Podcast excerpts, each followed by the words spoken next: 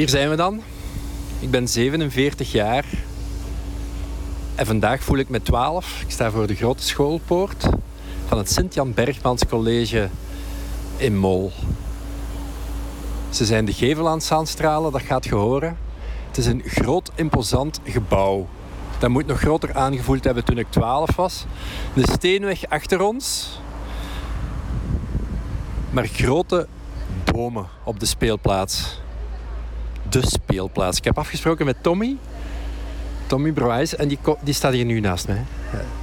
Die kwam hier net aan terwijl ik hier aankwam. Tommy is iemand waarmee ik in de klas zat.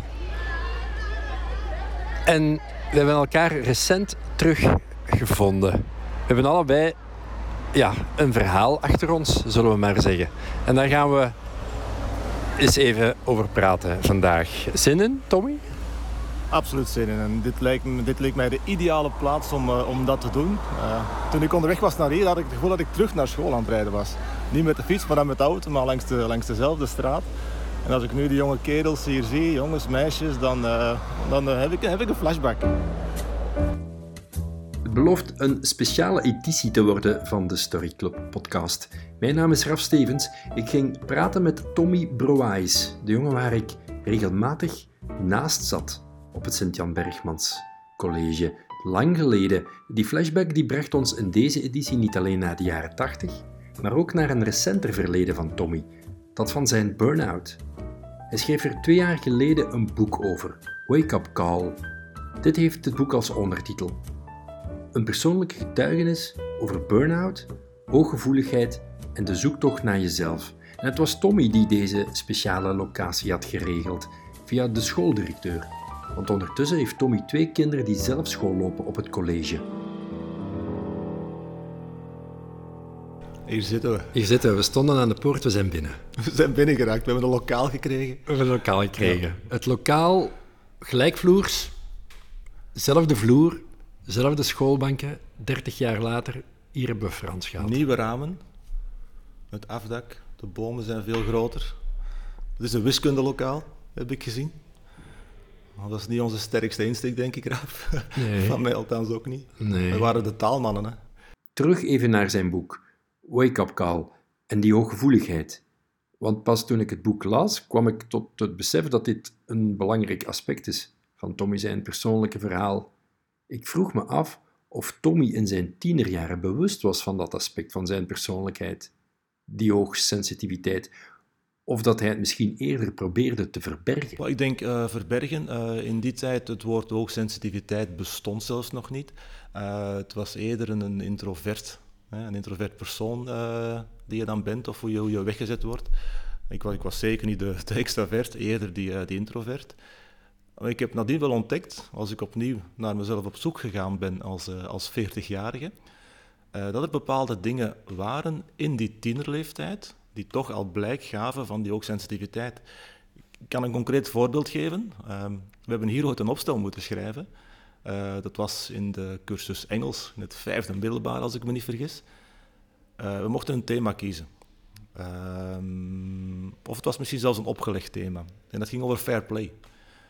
En fair play, ja, dat, dat, dat wordt uiteraard gelinkt met de sport. Uh, ik sportte toen, ik voetbalde, dus die link die was automatisch. Maar ik heb dat vooral opengetrokken naar, uh, naar authenticiteit. Zonder dat ik dat woord toen eigenlijk al kende. En die authenticiteit is, is, is ja, in, in hoogsensitiviteit een heel belangrijk, uh, belangrijke eigenschap. Dus ik heb dat toen opengetrokken naar, naar fair play is eerlijk zijn tegenover iemand anders, maar ook eerlijk tegenover jezelf.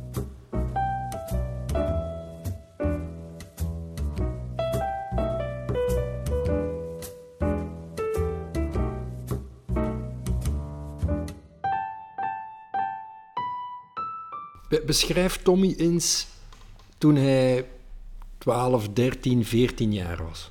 Sport, sport, sport. Voetbal. Voetbal. Dat was mijn, dat was mijn ding, daar kon ik mijn, eh, mijn ei in kwijt. Uh, dus daar was, ik, uh, daar was ik goed in. Uh, andere mensen vonden mij daar goed in. En het feit om goed gevonden te worden is ook in oogsensitiviteit een belangrijke karaktertrek voor eigenwaarde dus dat iemand je aanvaardt uh, zoals, zoals je bent. Dus dat was, dat was vooral dat toch wel, ja. dat is gebleven tot het einde van uh, je collegetijd? Ja, toch wel. Uh, die, die, die sport is belangrijk gebleven, uh, die voetbal. Maar ik ben dan in die collegetijd wel meer die, die filosofische kant en die taalkant van mij beginnen, beginnen ontdekken en beginnen ontplooien. En dat heeft ertoe geleid dat ik meer die weg opgegaan ben in, in mijn opleiding rond ja, vertaler uiteindelijk, wat ik gestudeerd heb. die sport, die voetbal is altijd belangrijk gebleven. ik ben wel redelijk vroeg gestopt, op 30-jarige leeftijd. Maar ook nadien is, is, is dat bewegen voor mij cruciaal gebleven. Ehm, zelfs in de periode dat ik uh, gecrashed ben, of net ervoor, heeft sport, en dan spreek ik over fietsen vooral, heeft mij dat overeind gehouden. Is zelfreflectie iets wat vooral gekomen is na jouw crash? Ik deed uh, ervoor ook al wel aan zelfreflectie, uh, maar dan was het eerder uh, om mezelf minder mild te behandelen dan dat ik anderen behandelde. Dus die zelfreflectie was eerder iets van een minderwaardigheidsgevoel, een, net een gebrek aan zelfvertrouwen. Um, terwijl nadien is er een besef, dat is dat bewust besef waar je daar straks naar verwezen hebt, is dat eigenlijk omgezet naar iets, iets van, van een geloof in de dingen waar je goed in bent. Uh, ik vraag wel eens aan mensen, als, als ik een, een, presentatie geef, van wie vindt van zichzelf dat hij goed is in iets? En dan zijn er weinig mensen die hun hand opsteken. En dan vraag ik aan de mensen die hun hand niet opsteken, hoeveel mensen hebben al tegen jullie gezegd dat je goed bent in iets?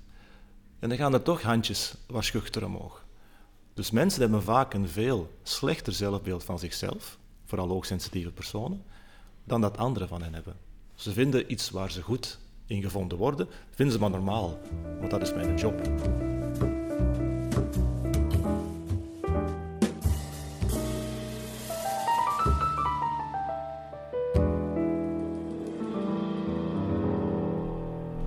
Heb je het gevoel dat er, dat er, dat er een andere Tommy is opgestaan na de crash? Of is dat iemand die terug contact heeft gemaakt met iets wat hij verloren was? Is wakker geworden. Dus die, uh, die, was, die was ingeslapen.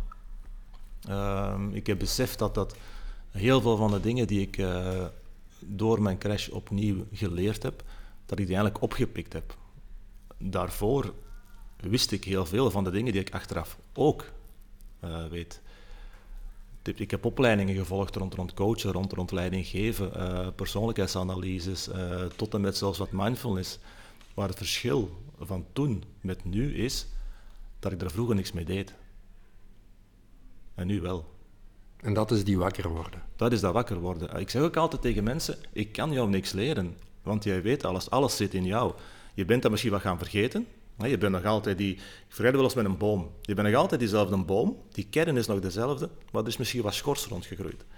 Neem eens de moeite om die schors af te pellen en ga op zoek naar, naar, naar, wie in die kern zit. En wees daarvan overtuigd. Dat is dat bewust besef. En dan komt de stap dat je jezelf op basis van dat bewust besef ook in beweging zet. En daar denk ik dat het bij veel mensen uh, vastloopt. Dat, dat, dat, ze die stap niet zetten van, van oké, ik, ik weet nu wie ik ben, maar wat ga ik ermee doen?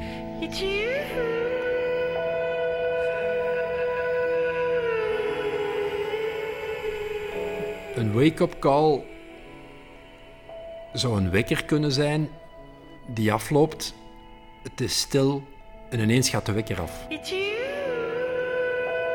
Was dat bij jou ook zo? Bij mij ging de, werd de wekker afgezet. Uh, dus ik, ik, herinner me dat echt als, als, als, uh, als gisteren. Uh, dat is een donderdag. Ik had opnieuw een slapeloze nacht achter de rug. Dat was een van de, van de zoveel, vol met zelfverwijt en, en pijn op mijn lichaam. En ik zet de wekker uit. Ik besluit om niet op te staan, om niet naar Brussel te vertrekken. Mijn vrouw vraagt aan mij, als zij opstaat, van, wat is er, ben je ziek? Uh, ik zeg nee, maar het, het, het, gaat niet meer. Wil je alsjeblieft een afspraak maken bij de dokter? Zij maakt die afspraak. Ik uh, rijd naar de dokter. Zij gaat werken. Ik zit in de wachtkamer. En met mijn verstand ben ik zo bezig, oké, ik, ik weet wat ik ga vertellen, ik ga mijn verhaal doen en dit en dat. Tot ik voor hem zit en hij mij één vraag stelt. Wat kan ik voor je doen? En ik begin een zin en ik denk na vier, vijf woorden stopt het gewoon. En hebben gewoon de emoties het overgenomen en ben ik als een, als, als een klein kind beginnen huilen uh, voor de neus van de dokter. Dat was mijn week.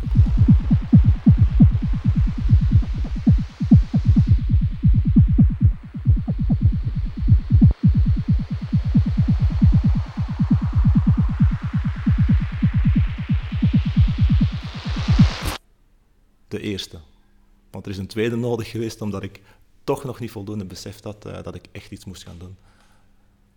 Na de eerste ben je even thuis gebleven, ja. afgehaakt van je werk. Ja. Maar een paar je, je zegt een paar weken. Ja, ja, en de, toen? De dokter had mij geadviseerd van oké, okay, uh, leg even de riemer af, ga dingen doen die je graag doet. Een super advies. Maar ik was nog te koppig om toe te geven. Ik zei over een week ga ik wel terugwerken. Maar die week, dat werd dan tot aan de kerstvakantie. Dus ik was dan een maand, een maand thuis en ik had me voorgenomen om na nieuwjaar op te starten en elke woensdag een dag vakantie te nemen. Dat maakte voor mij de week eigenlijk ja, draagbaarder dan, uh, dan voorheen, maar dat was overleven. Dus ik was, ik was maar een schim van mezelf en, en uh, ik had uh, voor een stuk gedeeltelijk thuiswerk. Je kan denken, oké, okay, dat is toch super in deze tijd, maar als de emmer vol is, is hij vol. En de dagen dat ik thuis werkte, zat ik in mijn veilige kokon. Uh, dagen dat ik naar Brussel reed om te gaan werken, begon dat met de ochtendfiles. Waar ik mezelf weer begon te verwijten dat het mijn eigen verdomde schuld was dat ik, dat, dat ik me in die situatie uh, gevrongen had. De collega's zagen het aan mij. En als ik dan s'avonds thuis kwam, dan moest ik al terug een bad nemen om de spanning van mijn lijf te krijgen. Um, woensdag was ik thuis, ging ik fietsen. Verstand op nul. Men zegt vaak, burn-out is altijd fysiek.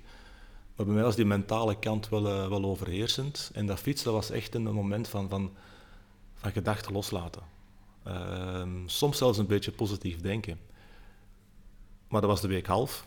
Hij was dan weer bijna weekend. En, en, zo ging dat voort. De dagen sleepten zich voort. Tot op een bepaald moment dat ik opnieuw uh, gehurkt in de badkamer zit. En dat het enige wat ik nog uit kan spreken is, uh, ik wil dit niet. Dus ik zat toen echt in dat, in dat verhaal van, ja, ik wil dit niet meer. En dan komt hij een tweede week op call van, oké dokter, ik ben bereid om naar jou te luisteren. Zet mij op weg. Uh, ben ik met die therapie gestart, mindfulness. Maar ook in de praktijk beginnen omzetten. En dat, wat wil ik niet? En dat is denk ik waar, waar heel veel mensen in zitten. In een burn-out, die er tegenaan lopen. Of zelfs gewoon algemeen. Dat ze eigenlijk in een situatie zitten die ze niet meer willen. En toch gaan ze door. En als je dat bewust besef achter de rug hebt, of als je daarin zit, je kan dan jezelf in beweging zetten door wat je niet meer wilt te vertalen naar wat je dan wel wilt, op basis van jouw kwaliteiten waar je in gelooft, omdat je iets kunt, dan denk je dat je goed op weg bent. Ik kijk heel hoog in de lucht naar een plek waarin ik mij herken. Naar een wereld waar er meer zijn zoals wij. Want hier vind ik niets terug van het oord waar ik geboren ben. Dat het beter is dat ik opstijg en verdwijn naar de hemel die me toebehoort. En waar ik geen rare vogel ben die de orde weer verstoort. Op de cover van Tommy zijn boek Wake Up Call staat ook een afbeelding van een slak. Een foto van een slak. Het is ongeveer een vierde van het boek. Je kan er niet naast kijken. Een slak die uit haar slakkenhuisje is, met twee voelsprieten vol in de lucht. Ik vroeg me af, wat zegt die slak over Tommy? Heel veel, bijna alles. Dat is die kwetsbaarheid. Dat is dat in, in, in een schelp zitten. Um, ik heb daar straks al verteld dat ik als, als kind toch eerder een introvert was. Ik praatte wel, maar over mijn emoties werd er, werd er niet veel gepraat. Je kunt soms heel veel praten zonder eigenlijk iets te zeggen. Um, en ook in, in, de, in de aanloop naar, uh, naar mijn crash. Mensen zagen het aan mij, maar ik beet door. En op een bepaald moment um, komt toch dat besef dat er iets, iets, iets, uh, iets moet veranderen. En dan heb ik de, de, de kracht van die kwetsbaarheid ontdekt. Um, dat is gestart met, met, met een aantal dingen van mij af te schrijven. Dus toen wij op deze schoolbanken zaten, schreef ik ook al regelmatig eh, kleine stukjes, maar ik deelde die nooit. Dat was mijn manier om mijn emoties te ventileren, zonder ze echt te moeten delen, zonder mij kwetsbaar op te stellen. Maar zich kwetsbaar opstellen deed hij dan na een tijdje toch. Tommy de Slak kwam stilaan meer uit zijn huisje, zeg maar. Tommy schreef en hij bleef schrijven. En na een aantal uh, ja, dagen, weken, had ik uh, wat hoofdstukken uh, klaar.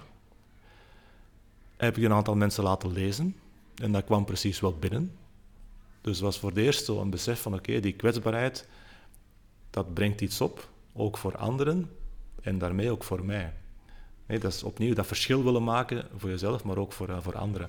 God grant me the serenity to accept the things I cannot change. Terwijl ik vroeger eerder in mijn schelp zou blijven zitten, die angst om vertrappeld te worden, heeft die, die, die kwetsbaarheid, dat uitgooien van die voetsprieten, net voor, voor heel veel begrip gezorgd en herkenning. En dat is, uh, dat is ongelooflijk, want in die herkenning, opnieuw in dat delen, daar, daar schuilt volgens mij zo'n immense kracht vanuit, vanuit een buik van een maatschappij om effectief iets in beweging te zetten. Wat van bovenaf veel moeilijker is. Ik denk, iedereen kent wel iemand die, die, die, die er tegenaan loopt tegen een burn-out, die met zichzelf worstelt. Um, dus er zijn heel veel verhalen die verteld mogen worden, die gedeeld mogen worden. Als we dat toelaten van elkaar, dan, dan denk ik dat er een ongelooflijke kracht in schuilt, die, uh, die, die, die niet te stoppen is.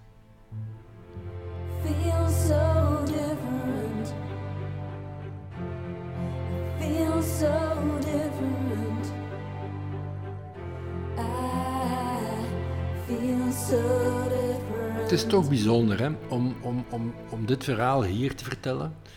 Het is, het is bijzonder. We zijn zo begonnen in het gesprek en ik kan niet laten om daar weer naartoe te mhm. gaan om te zeggen, hier zitten we dan. Maar dat is, ook, dat is ook de reden dat we hier zitten. Hè. Dit is de ideale plaats om, om, dit gesprek te voeren. Dat, is, dan, maakt het net, net, net dan maakt het zo, zo mooi. Eigenlijk, zodat er, er wordt zoveel gesproken van leerplannen en competenties en vaardigheden. Maar als we nu eens in dat curriculum laten inschrijven, een bewust zelfbesef voor kinderen. Dat, dat zou effectief een, een heel mooie zijn. Wat ik tegen die jongere versie van mezelf hier zou zeggen, mocht ik hem nu op de, op de koer kunnen, kunnen zien, is dat het wel goed komt. Ik heb het gevoel dat we de hele dag zouden kunnen zitten. Dat we van lokaal naar lokaal zouden gaan, dat we eens naar de, nieuwe turnzaal, want de oude turnzaal is er niet meer, heb ik, heb ik gehoord. Zou, zou die bel hier nog hetzelfde klinken? Ik weet het niet.